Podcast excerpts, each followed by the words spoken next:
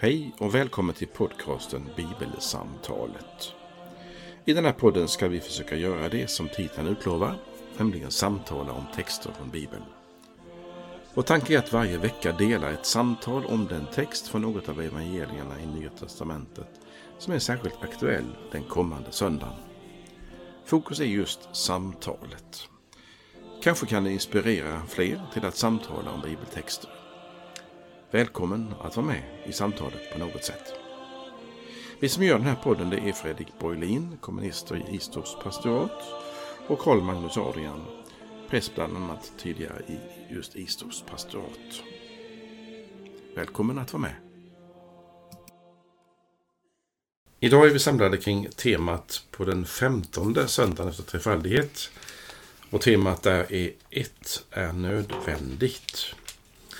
Och den texten som vi börjar med i alla fall, det är från Lukas kapitel 10. Det är tredje årgångens läsningar i år.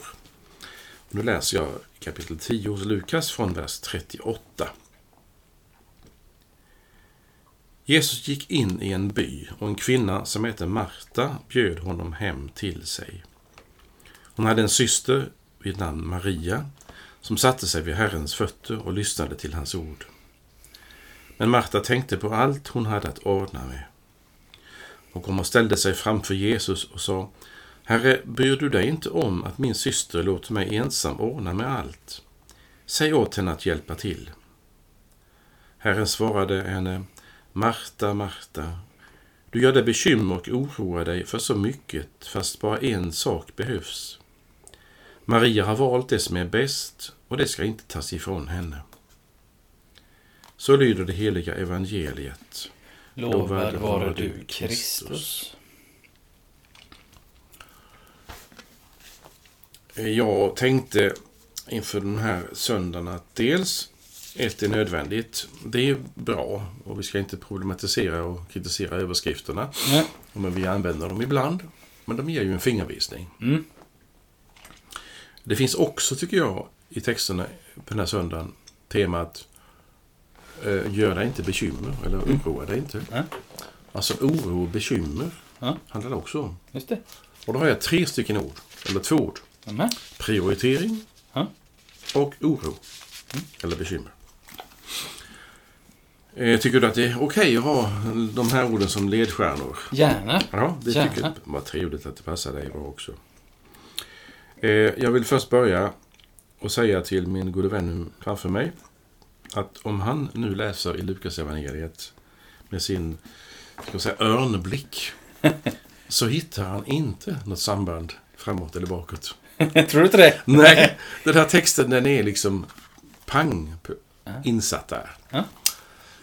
Det är min absoluta teori. Ja. Ska du skjuta sönder den? Nej, jag, jag vet inte, men jag kan bemöta den i alla fall. Ja, ja. Eh, det är den, om du vill. Det liknelsen om, om Samarien som kommer före. Och, Men, Nej, så- ja, nej.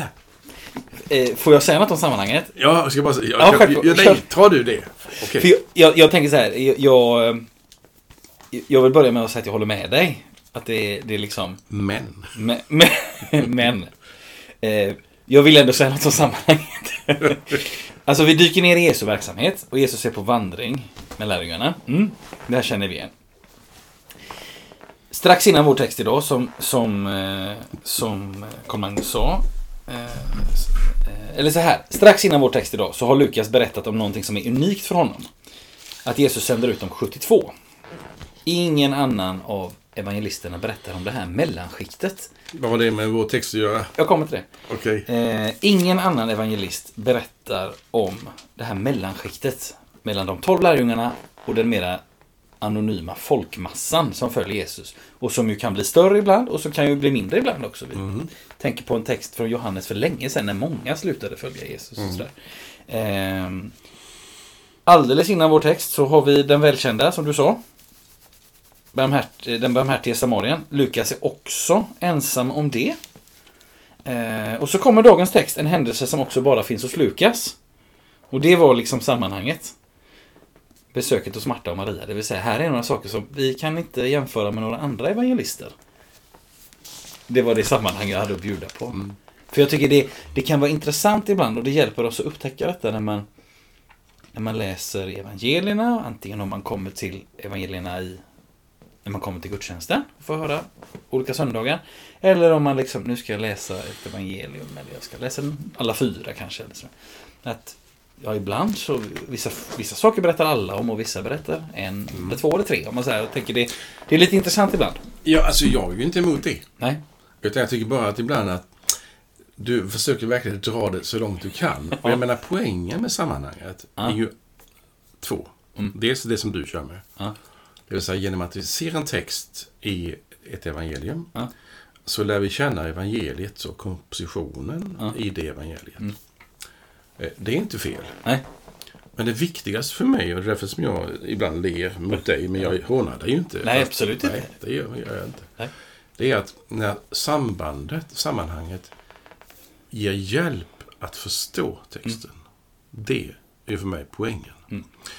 Eh, Och när man driver, när man håller på med textgenomgångar som man gör ibland, nu gör vi inte så jättenoga i vårt samtal, men Nej. när man undervisar om detta Ja. i skolor, så tänker man ju sig en text som finns som, som är så lång. Jag, jag måttar nu med mina fingrar, fem centimeter i texten. Mm. Och då är det alltid så att gå före och läs den texten och gå efter och läs nästa. Mm. För det kan hända, Mm. brukar jag säga, att det finns en nyckel till texten, Mm. före eller efter. Det är, menar jag, obligatoriskt när man läser Bibeln. Mm. Utan det så missar man själv ofta poängen. Mm. Därför en del texter, dock inte denna, har sin förklaring där den står. Mm. Sen eh, håller jag helt med dig om att det finns linjer ibland. Låt oss säga Markus som han håller på väldigt mycket uppe i Galileen Mm. och sen till slut Jerusalem och så. I i de andra är det liksom lite, ja, det finns linjer och sådär. Men, men poängen är, menar jag, att, att förstå en text, det får vi ibland hjälp med av att se före och efter.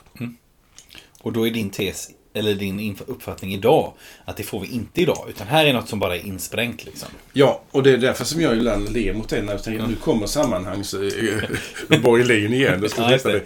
Och, och det, det du gör som jag tycker är bra, Mm. det har jag sagt också, det är att du ser, det här finns med, och så sa du idag, det här kommer efter 72-lärjungarnas utsändande. Ja. Intressant, unikt. Samarien unikt. Ja. Nu lär man sig någonting ju, det du säger. Kanske, om man. Ja. Mm. Ja, ja, absolut. Det är inte det jag är emot.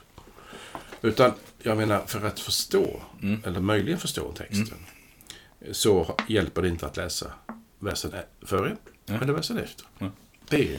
Och då, då vill jag säga som ett svar på det att jag, jag bejakar att det här sammanhanget som jag har försökt säga något om. Ja. Det, det är ju, ska vi säga, det är ett ganska stort kojärn jag försöker bräcka in här. Jag håller med. Jag, jag, jag, jag tycker själv att nej men, det säger inget om vartannat det här sammanhanget. Utan jag tycker också att den här står för sig själv. Eh, det är mer, jag, jag tyckte det var mer intressant att liksom det luftar fantasin lite för när, när någon när någon evangelist, eftersom alla, är, alla fyra är, de liksom är så tydliga med Jesus sista dagar och så vidare, sista veckan i Jerusalem. Och, och sen har de olika evangelisterna lite olika material och sådär. Och så tycker jag det är spännande ibland att fundera på. Vi, vi får ju tänka att Lukas hade hur mycket till och, som helst att berätta.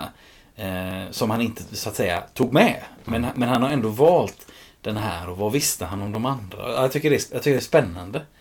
Eh, och, och eh, på ett sätt så vill jag se, nu ska vi inte, behöver inte dra in en massa trådar redan nu, men det är spännande för eh, Joha- eh, evangelisten Johannes har ju en del att säga om både Marta och Maria och även brodern Lazarus. Ja, den som vi kan läsa kapitel 10 och kapitel 11, Mm. där finns du med. Och så. Mm. Han dör ju också, Lazarus, och blir uppväckt och så. Men nu handlar det inte om det. Nej, det gör det inte. Utan, Tack för att du för oss in på den rätta vägen igen. men det handlar om bekymmer, oro. Ja. Det handlar om nödvändigaste, det vill säga ett är nödvändigt. Och jag tar nog idag sikte på, några, på de här orden. Sen får du göra vad du vill, ja, tackar. som vanligt. eh, och jag börjar först med Marta. Mm.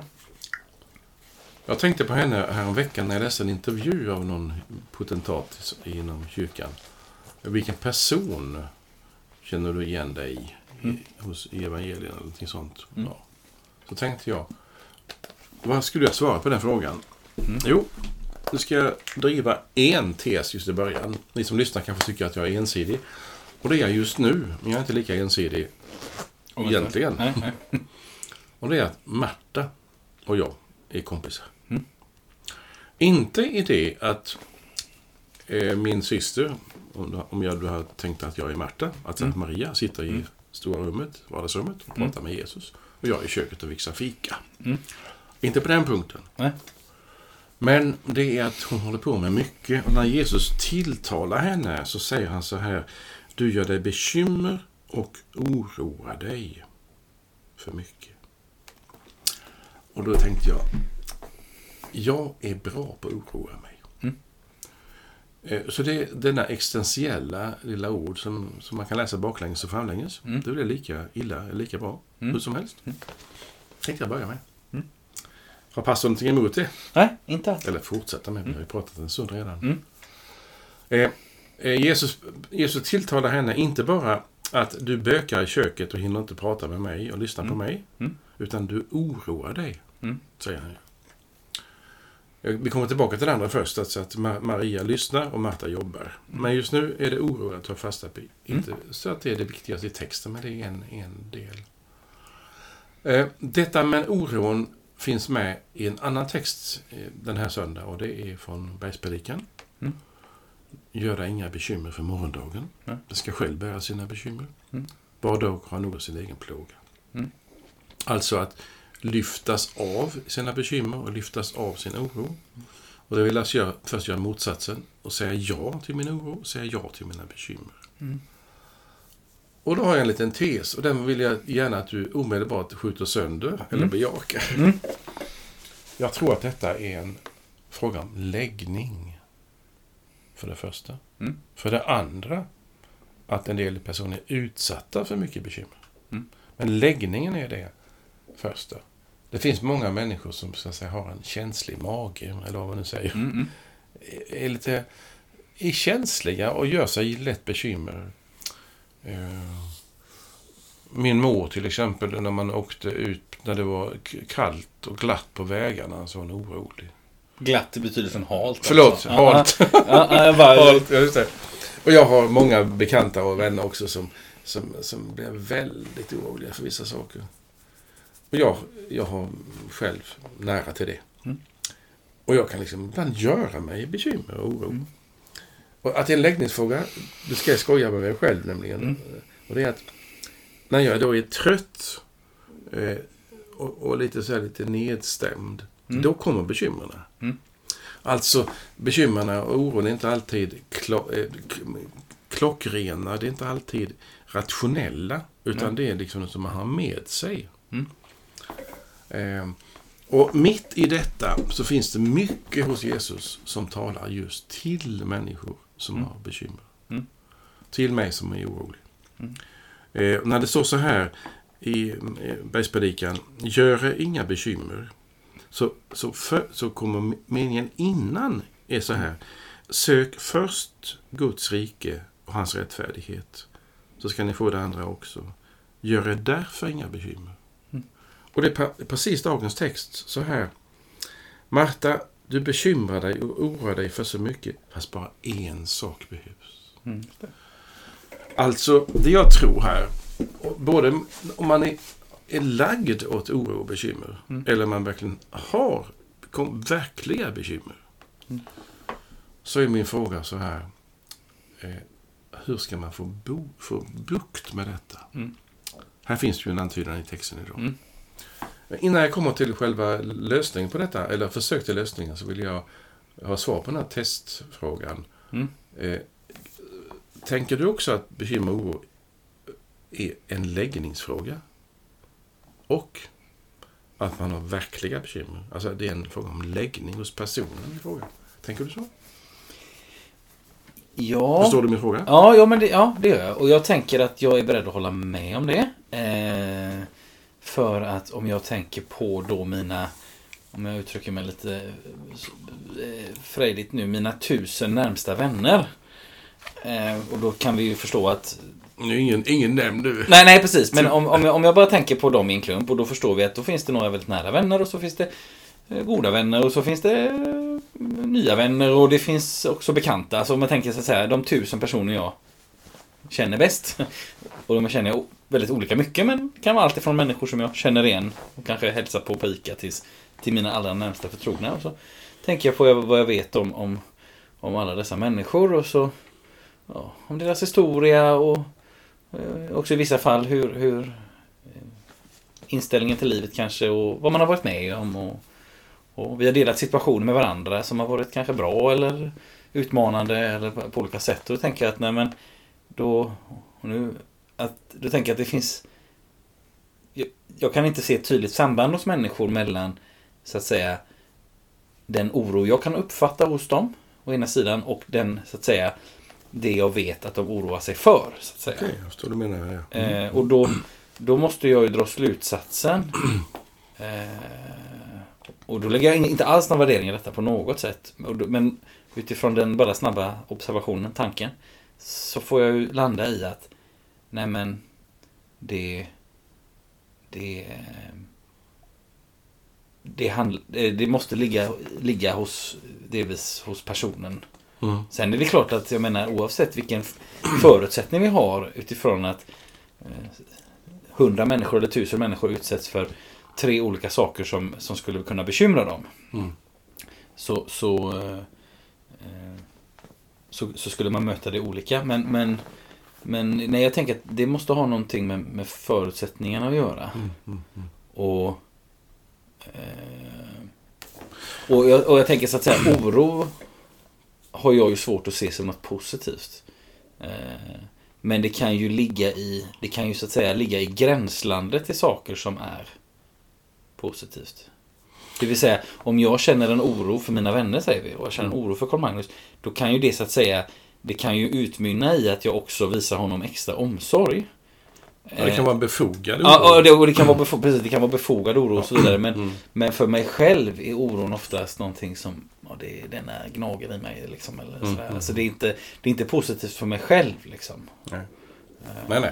Det, det, har, det, det är lite släkt med rädsla för Mm. någonting. Eller rädslor och så. va. Ehm, bekymmer och oro. Men det finns ju... Alltså, mm, det är mycket av det som är det mänskligt självklara. Man, Mm. eh, som ju, jag tror också, det, man kan ju se det hos, hos djur också. Viss eh, Mm. oro, bekymmer. Eller Mm. framförallt oro naturligtvis. Mm. Eh, Jag, tror, jag började med detta därför att detta är ju inte den enda punkten som Jesus berör. Men han berör detta och han kallar Martas sätt att vara, jag uttrycker mig lite fyrkantigt nu, att hon bekymrar sig Mm. och oroar sig. På svenska alltså. Mm, mm. I översättning står det så. Mm. Eh, och om vi då har lite grann klarat ut det här med att vi försöker ringa in den mänskliga oron och bekymret som vi eh, ger olika ord för. Mm. Så säger Jesus i samma mening som han har sagt detta, så säger han fast en sak är nödvändig. Mm.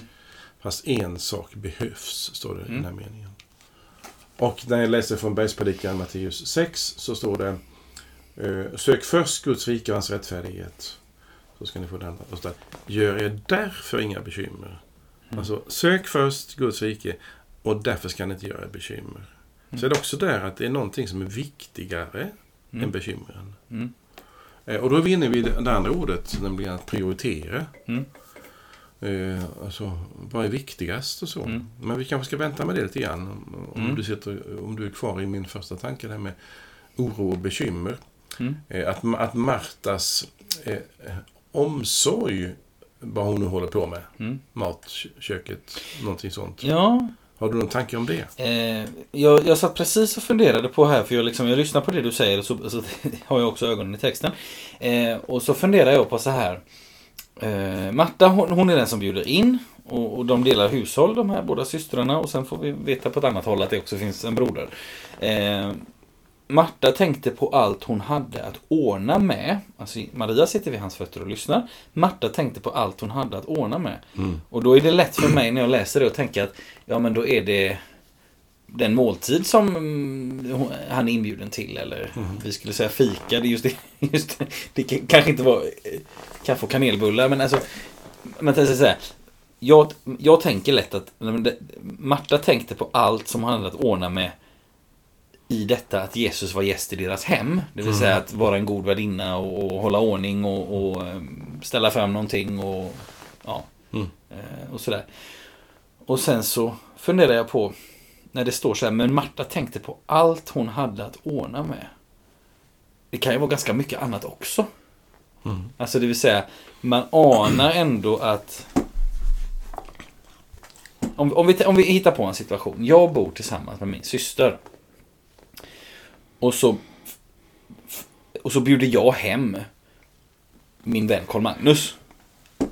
Eh, och, och, så vi, vi, och, så, och så bjuder jag hem dig. Då, då tycker jag ju på ett sätt att det är rimligt att tänka att nej, men nu har jag ju bjudit hem dig och, och du kommer dit och min syster verkar vara hemma och, och hon eh, sitter ner och lyssnar på vad du har att säga.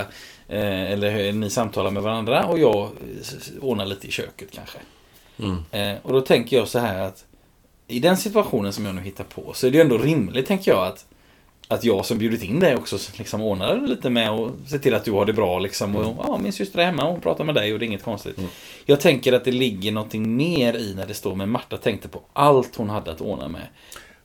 Alltså det, det, det är... Och sen den, hela den här situationen som jag tycker vi ska också lite borra oss in i. Alltså detta med det som Marta sen säger. För det är ju ganska... Ja, det är ganska, på ett sätt ganska osympatiskt. Eh, vi kan ju återkom, återvända till det sen. Men, men jag så här, det måste ju ligga något mer bakom detta än att Maria inte hjälpte till att att ställa fram fikat. Eller så, tänker jag. Och jag vill lägga till ytterligare en sak. Så att jag tror inte att poängen i den här texten, och tänker också på oss som predikar, är Mm. inte att Mar- Maria sitter snällt, fromt, andäktigt och lyssnar. Mm. Och Marta håller på med vanliga vardagssysslor. Ja, Och det ska hon sluta upp med. ja Att sitta det. och lyssna på Jesus. Ja. Jag tror inte alls att det är poängen. Nej. För Jesus beter sig inte så eh, i samtalet. Är det så att det är individuellt en väldig uppgörelse med Martas eh, sätt att inte vilja lyssna på Jesus, Mm. vilket vi inte kan, det kan vi inte läsa ut i texten. Nej, det kan vi Det, inte göra. det vill säga, hon, hon bryr sig aldrig om Jesus. Absolut Nej. inte. För när vi, när vi möter henne i Johannes 11 så är hon ju en person som är väldigt initierad och väldigt med. Ja. Så att det är inte det. Utan det är någonting annat. Ja. Och då tror jag fortfarande att det handlar dels om bekymmer och oro. Mm. Och dels om eh, prioritering på något vis. Ehm, Så att inte hamnar i diskussionen med vardagsrummet eller köket. Mm. Vilket är bäst? Mm. Samtalet med Jesus eller diska? Mm. Och, och, och om vi hamnar i den fällan menar jag, Ja. Då blir det väldigt knepigt. Ja. Hur ska vi tackla... Du vet, jag minns, jag var, jag var nog, jag vet nästan hur gammal jag var, jag var nog 26 år. Så predikade jag i norra Skåne i ett missionshus. Ja. En eftermiddagspredikan. Och det var ju alltid mycket folk i, i deras, det var ju BV eller EFS. Eh, och jag hade någon, jag tror jag hade en serie med Romarbrevet, kapitel 8. Jag tror det var så. Eh, och så när det, det var ju, jag höll på ju säkert varje, varje predikan var säkert minst en timme. Så det var ju Mm. verkligt, verkligt annorlunda än idag. Ja. Och så naturligtvis då när det var slut varje gång så fick jag ju tack. och Så? Mm. Och det var väldigt roligt för en 26-åring att få så mycket bekräftelse. Och tack, tack, tack, tack, tack, tack. Och det hände någonting och nu ska ni inte läsa av det ni hör mig säga nu som att jag är, var en oerhört kärleksfull och oerhört sj- osjälvisk människa. Men jag tänkte så här. Men de i köket då? Mm. Det var min första tanke. När jag såg, jag såg dem stod i dörren där. Mm. Eh, och så tar man fram dem och så ska jag tacka med dem också. Det är väldigt lätt. Nu byter jag spår ifrån detta i ögonblicket som jag Mm. relaterar till, till i allmänhet. Att värdera och säga. Det där, den där sysslan, den är inte så viktig. Men den är viktig. Ja. Nu ska predikanten Karl Magnus fram. Mm. Är ni med? Och så står de i köket och håller på att diska. Jag vill bara säga, bort det. Mm. Det är inte det som är poängen och Nej. problemet i vår text idag. Nej. Tror jag. Utan det är dels hur tacklar man oro och bekymmer. Mm. Och det finns också bergspredikan till hjälp. Och så är det detta andra. Eh, Hur prioriterar vi? Och det, där har jag en del att säga när vi, in, vi inleder det spåret. Ja. Men du kanske vill säga någonting först? Som Eh. kommentar till det jag sa senast nu. Jag, jag, jag kan liksom föra in en grej till. Eh, för jag tycker detta är intressant med eh, var, var i... Alltså, jag tänker nog, jag är beredd att hålla med dig att nej men det är inte bara, det är inte så att säga sensmoralen om man nu får säga, om det nu finns en sån liksom. Men lösningen på den här texten är inte släpp diskbaljan, sätt dig och lyssna. Ja. Utan, utan liksom, nej, det, vi, det, vi ska förbi det. Och, och eh, jag, jag, när jag tänker så här, men Marta tänkte på allt hon hade att ordna med. Då tänker jag att då, det, då kan det vara då, då kan det vara en mycket prövad människa vi möter här. Som kan ha så många gamla sjuka släktingar som hon ska ta hand om. Och, och alltså det kan vara, vi, vi vet ju väldigt lite. Och jag, jag, tror att vi gör, jag tror att vi gör fel i att tänka att det bara var skiva upp brödet och, och, och, Mhm. och, och liksom ställa fram, eh, ställa fram det. Och ska jag säga också så här. Det jag tycker är, man kan också fundera på när man läser den här texten, det är så här. Ha, hur väl kände de varandra? Alltså vi får ju möta Marta och Maria här och det står att en kvinna som heter Marta bjöd honom hem till sig. Alltså det, man får en känsla av att de inte känner varandra så jätteväl. Johannes berättar om ett tillfälle och då kan han ju säga att Marta och Maria det var Jesu vänner och jag tänker att den händelsen som Johannes berättar om den utspelar sig efter detta. Eh, det, det är svårt att få Mm. ihop annars. Och, det, och, och, Johannes nämner att Maria är den som smörjer Jesu fötter och sådär. Så, ehm, och, men jag funderar på så här, har de mötts innan? Men du, jag- jag, jag tycker det... Det kanske det kanske är ett, ett, Nej. ett sidospår som vi Nej, inte ska nej. gå in på. Men det, det är bra att du säger det. Mm. Det som jag tar, tar emot lite grann, det är Johannes kapitel 3 på avslutningen, tror jag det är. Där det står att Jesus behövde inget vittnesbörd för han känner människan. Ja. Alltså, den kunskap Jesus har Mm. eh, som Guds son. Mm. Jag tror ju och tolkar det som att han, han vet vem Marta är och Maria är. Mm. Så, så, så Mm. läser jag ut det. ja, han känner ju dem precis, absolut. Ja, ja. Och därför vet han det hela. Men du, när du tog upp det här nu, så en fråga till, till dig om detta. Ja. Vad är det egentligen då, tror du, som Jesus kritiserar? För du sa så här med, med rätta, tycker jag, att det är mycket att ordna med. Mm. Allt ifrån diskbaljan till Mm. eh, sjuka släktingar. Mm. Vi, vi släpper exemplen. Mm. Varför kritiserar han henne?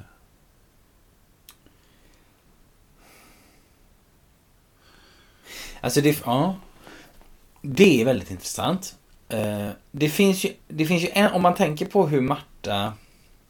För jag tänker så här, Jesus kritiserar inte Marta för att hon i den stunden, så tänker jag. Han kritiserar inte henne för att hon är... Eh, för att hon... Alltså för att hon gör något annat i ett annat rum. Eller liksom har något praktiskt göromål som hon vill få färdigt liksom. Eller så här. Eh, utan, utan så att säga, jag funderar på detta som hon gör sen. Alltså det står så här, hon kom och ställde sig framför Jesus och sa det, Herre bryr du dig inte om att min syster låter mig ensam ordna med allt. Säg Mm. till henne och hjälpa till. Mm. Alltså, hon, vi kan ju tänka att jag är gäst här i ditt hem eller vi kan, vi kan, vi kan tänka, vi, vi är själva med i situationen. Mm. Och så kommer någon in, jag sitter och pratar med en, en, en eh, vän som är på besök eller vad det nu kan vara. Och så kommer någon in i rummet, ställer sig framför Jesus, alltså på något sätt ställer sig mellan dem Mm. som har ett samtal.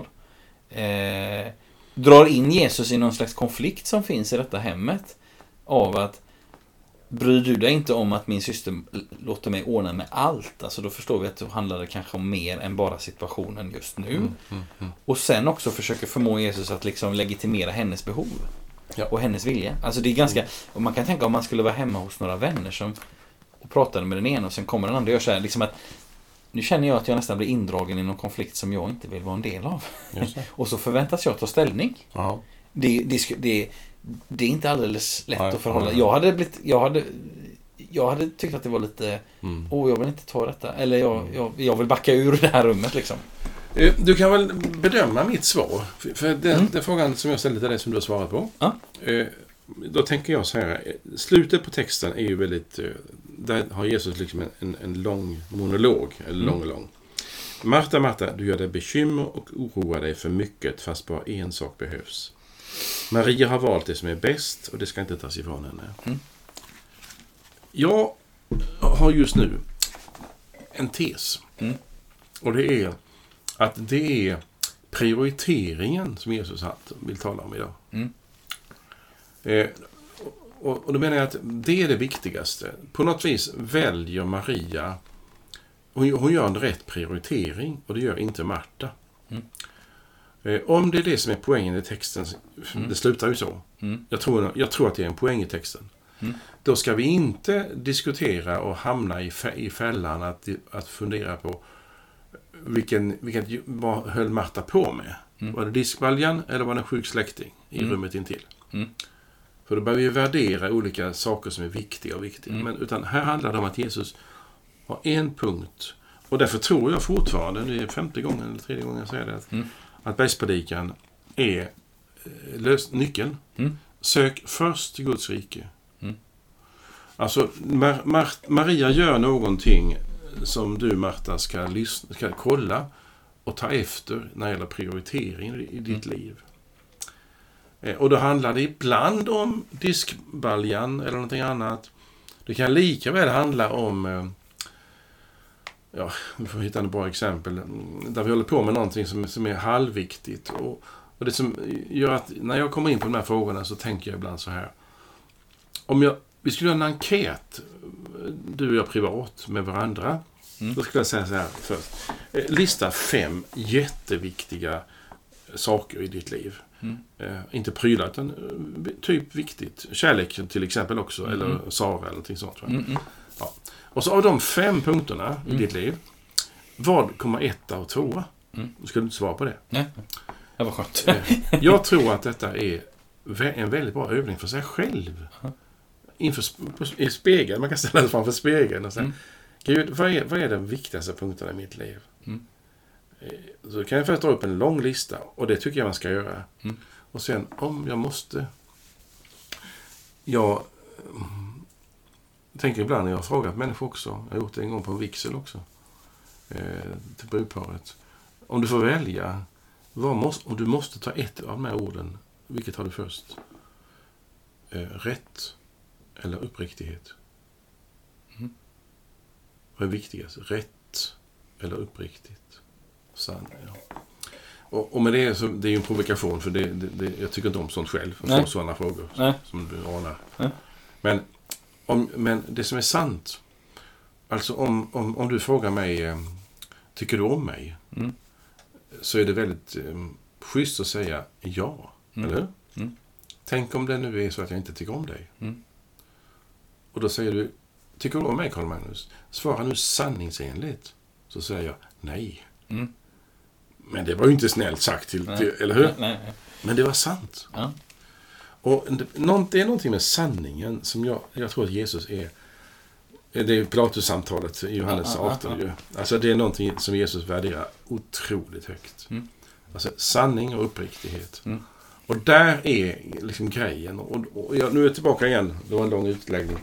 Alltså att när man ska fundera på det här med prioritering, vad som är viktigast. Mm. Så måste man ibland överdriva i stunden. Mm.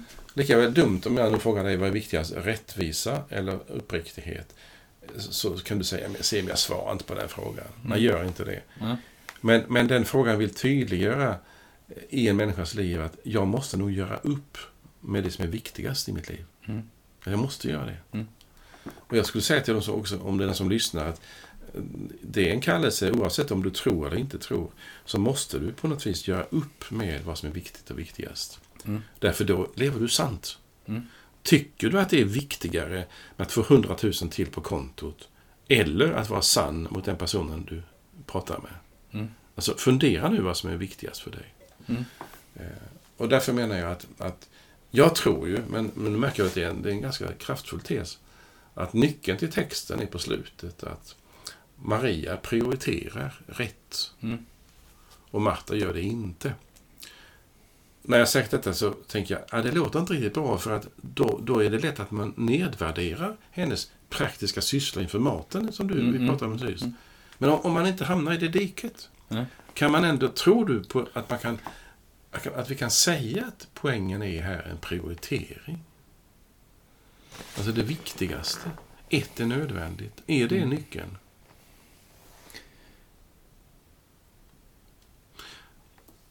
Eller ska vi värdera olika saker? Mm. Eller är det en prioriterande fråga? Jo men i hela, jo men det är klart att i hela eh... Nej, men, jag, eh, men prioritering absolut. Och alltså man kan tänka så här. Ett är nödvändigt. Eh, Jesus visar på en prioritering. Men, men, på, men på något sätt säger ju ändå inte allt annat är fullständigt meningslöst i livet här och nu. Utan, alltså man, du, du tog ju exemplet, eh, du tog ju exemplet eh, vigsel här för ett tag sedan. Nej, jag bara... Eller, med... eller du, tog ett, du tog ett exempel från ett sånt sammanhang. Att gifta sig. Och då kommer man ju tänka så här. Vad behövs för en vigsel? Ja, det behövs ett hindersprövningsintyg. Sen har människor tenderar att också lägga till gäster, middagar, eh, smekmånader och så vidare. Ja, det är viktigt. Så förstår du vad jag menar? Ja, ja. Och, och, och, och det, det, man kan på något sätt säga att, att, att, även om en sak är nödvändigt så, så, så finns det många saker som kan vara trevligt och härligt. Mycket. Alltså på, på något sätt så att säga. Ehm. Men är det så här att det, det viktigaste som Jesus talar om, det tas aldrig ifrån oss. Men det som är inte viktigt, det tas ifrån oss. Alltså om nu poängen är sök Guds rike. Mm. Då skulle man kunna säga, det här kanske låter lite frumflummigt, men jag menar mm. nog mer jag säger ändå. Om Jesus är det viktigaste i, i livet, mm. att finna honom. Eh, om, om han är det viktigaste. Och, och, om jag får tro på honom och den som tror på mig säger han ska leva om han än dör. Mm. Alltså det är någonting som, som är viktigast. Mm. När jag då dör så är allt borta. Mm. Men inte Jesus. Mm. Inte Gud. Mm. Han, han, är, han är kvar också när jag dör. Därför är han viktigast. Mm. Jesus säger ju inte Maria har valt det som är bäst. Och du ska inte ta det ifrån henne. Det är inte det han säger, utan han säger det ska inte ta sig från henne. Så det, det på något sätt stödjer ju din, din tanke här. Ja. Det vill säga han, eh, han talar ut att han talar på något sätt ut att det som, det som hon har valt det har evighetsvärde. Det tas inte ifrån henne när detta livet är slut. Ja, kanske det. Eh, nu är det, det är kanske att dra en väldigt stor växel på, på några ord. Eh, ett annat ord som jag kommer att tänka på, eh, om det är okej okay att jag för in det. Eh, det är ju ordet legitimera. Alltså det vill säga bekräfta, bejaka någonting. För vi kan känna, jag tycker att vi med fördel ska känna stor sympati med Marta som bekymrar sig för så mycket. Mm. Vi kan ju komma och tänka på människor. Kanske på oss själva. Du delade ju att du ja. känner igen dig Marta. Oh, ja. Eller vi kan tänka på människor. Du som lyssnar kanske känner igen dig eller tänker på någon som, som finns i din närhet. Och då, så här, Marta förtjänar mycket stor sympati mm. i, i, sin stora oro. Mm. Eh, men det finns ju någonting här tycker jag, i hur hon liksom bemö alltså i hur hon går in och ställer sig lite i vägen och, och på något sätt eh, berättar hur det ligger till och också vill liksom att Jesus ska just legitimera. Det är ju jag som har rätt. Det var ju därför jag bjöd in dig. Mm. Eh, okay. Eh, håller du med om det? Eller jo, drar det för långt? Jo, jo. Eh, jag tänker också på jag har ju hört eh, alltså, predikningar om detta som, som där det finns en sorts eh, andlig poäng som jag säger inte att den är felaktig. Mm. Den ligger ju liksom i pipeline nästan. Och det är att om, om, om Maria lyssnar på Jesus och Marta gör sig oro för, mm. för många. Eh, så måste liksom Marta lämna det där och bara lyssna till Jesus. Mm. Eh, alltså bed och läs Bibeln istället för att hålla på med det där och det. Mm. Och det så. Eh, och när man säger det och tänker på konsekvenserna av det mm. så kan det låta väldigt, ja, titta de prioriterar det, vad fint. Mm. Men skulle du leva så på ett moraliskt sätt så skulle det bli ohållbart. För om du, om du till exempel skulle värdera och säga att det är mycket att läsa ett kapitel Bibeln på morgonen och ett mm. på kvällen. Mm. Så kan jag säga, ja, jag läser fem kapitel på morgonen mm. och femton på kvällen. Mm. Det är mycket, mycket bättre. Mm. alltså då blir det en rivalitet. Vem satsar mest på det andliga? Ja. Och det håller inte. Nej. För då, då, då behöver man köpa sig någon sorts trygghet för evigheten. Mm. Och det kan vi inte göra. Nej. Den får vi. Nåden. Ja. Tron är en, en gåva. Att vi får tro att vi är Guds barn. Mm. Men ska man då så att säga prioritera. När jag släpper disken och sätter mig hos Jesus istället. Jag gör det bästa. Det ska Ja. jag få betalt för. Det är en merit. Mm. Det är inte bra. Nej. Det luktar något unket. Eller? Ja, och jag tänker också eh, Jag tänker också liksom i det här att Finns det då Om jag då tänker på mig själv eh, Du började vårt samtal idag Med att tala om detta med eh, Du kan känna igen dig i Martas oro Mm. Och då tror jag att skulle vi fråga Skulle hundra människor eller tio människor lyssna på detta samtalet Så skulle de ju känna igen sig olika mycket i det du sa. Någon skulle säga åh och Carl Magnus han sa precis det jag tänker. Och någon skulle säga ja, det, så har jag aldrig tänkt. Nej, jag känner mig inte alls som Marta eller så här och, och så. Men så tänker jag så här, det finns ju en annan liten...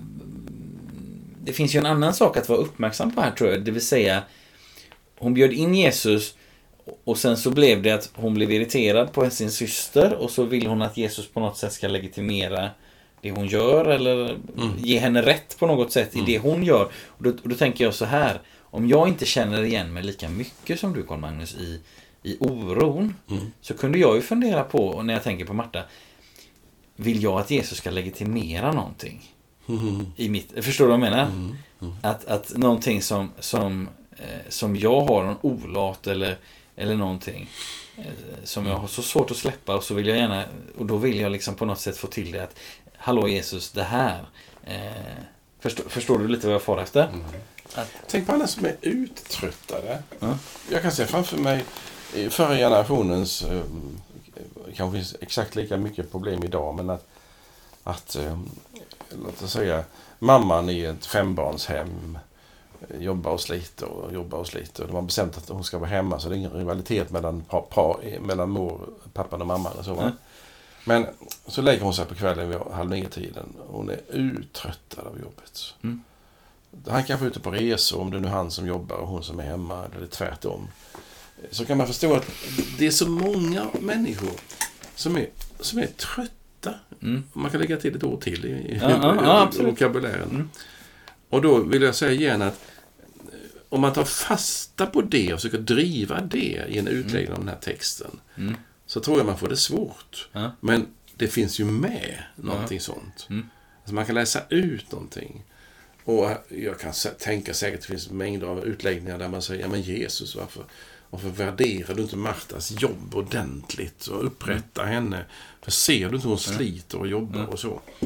Jesus är ju inte obarmhärtig i sitt hjärta. Nej. Så det, det, det är inte det heller, men det kan, ligga, det kan ligga nära när vi ser på texten idag, Mm, tycker jag. mm.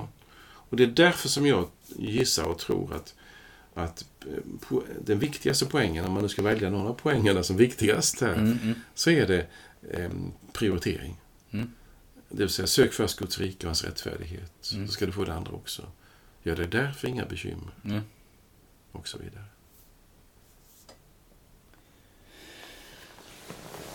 Och jag tänker att lika väl som det är mycket i den här situationen i deras hem och i Martas inre och vad oroar hon sig för och det kan vara jättemycket. Så här. Det vet vi inte, vi kan bara spekulera och det har vi ju också gjort delvis. Eh, och sådär, och så eh, lika li- vi vet ju väldigt lite om det. Men jag skulle säga att Jesus, han bannar ju egentligen inte Marta för att hon just i den stunden har varit i diskbaljan.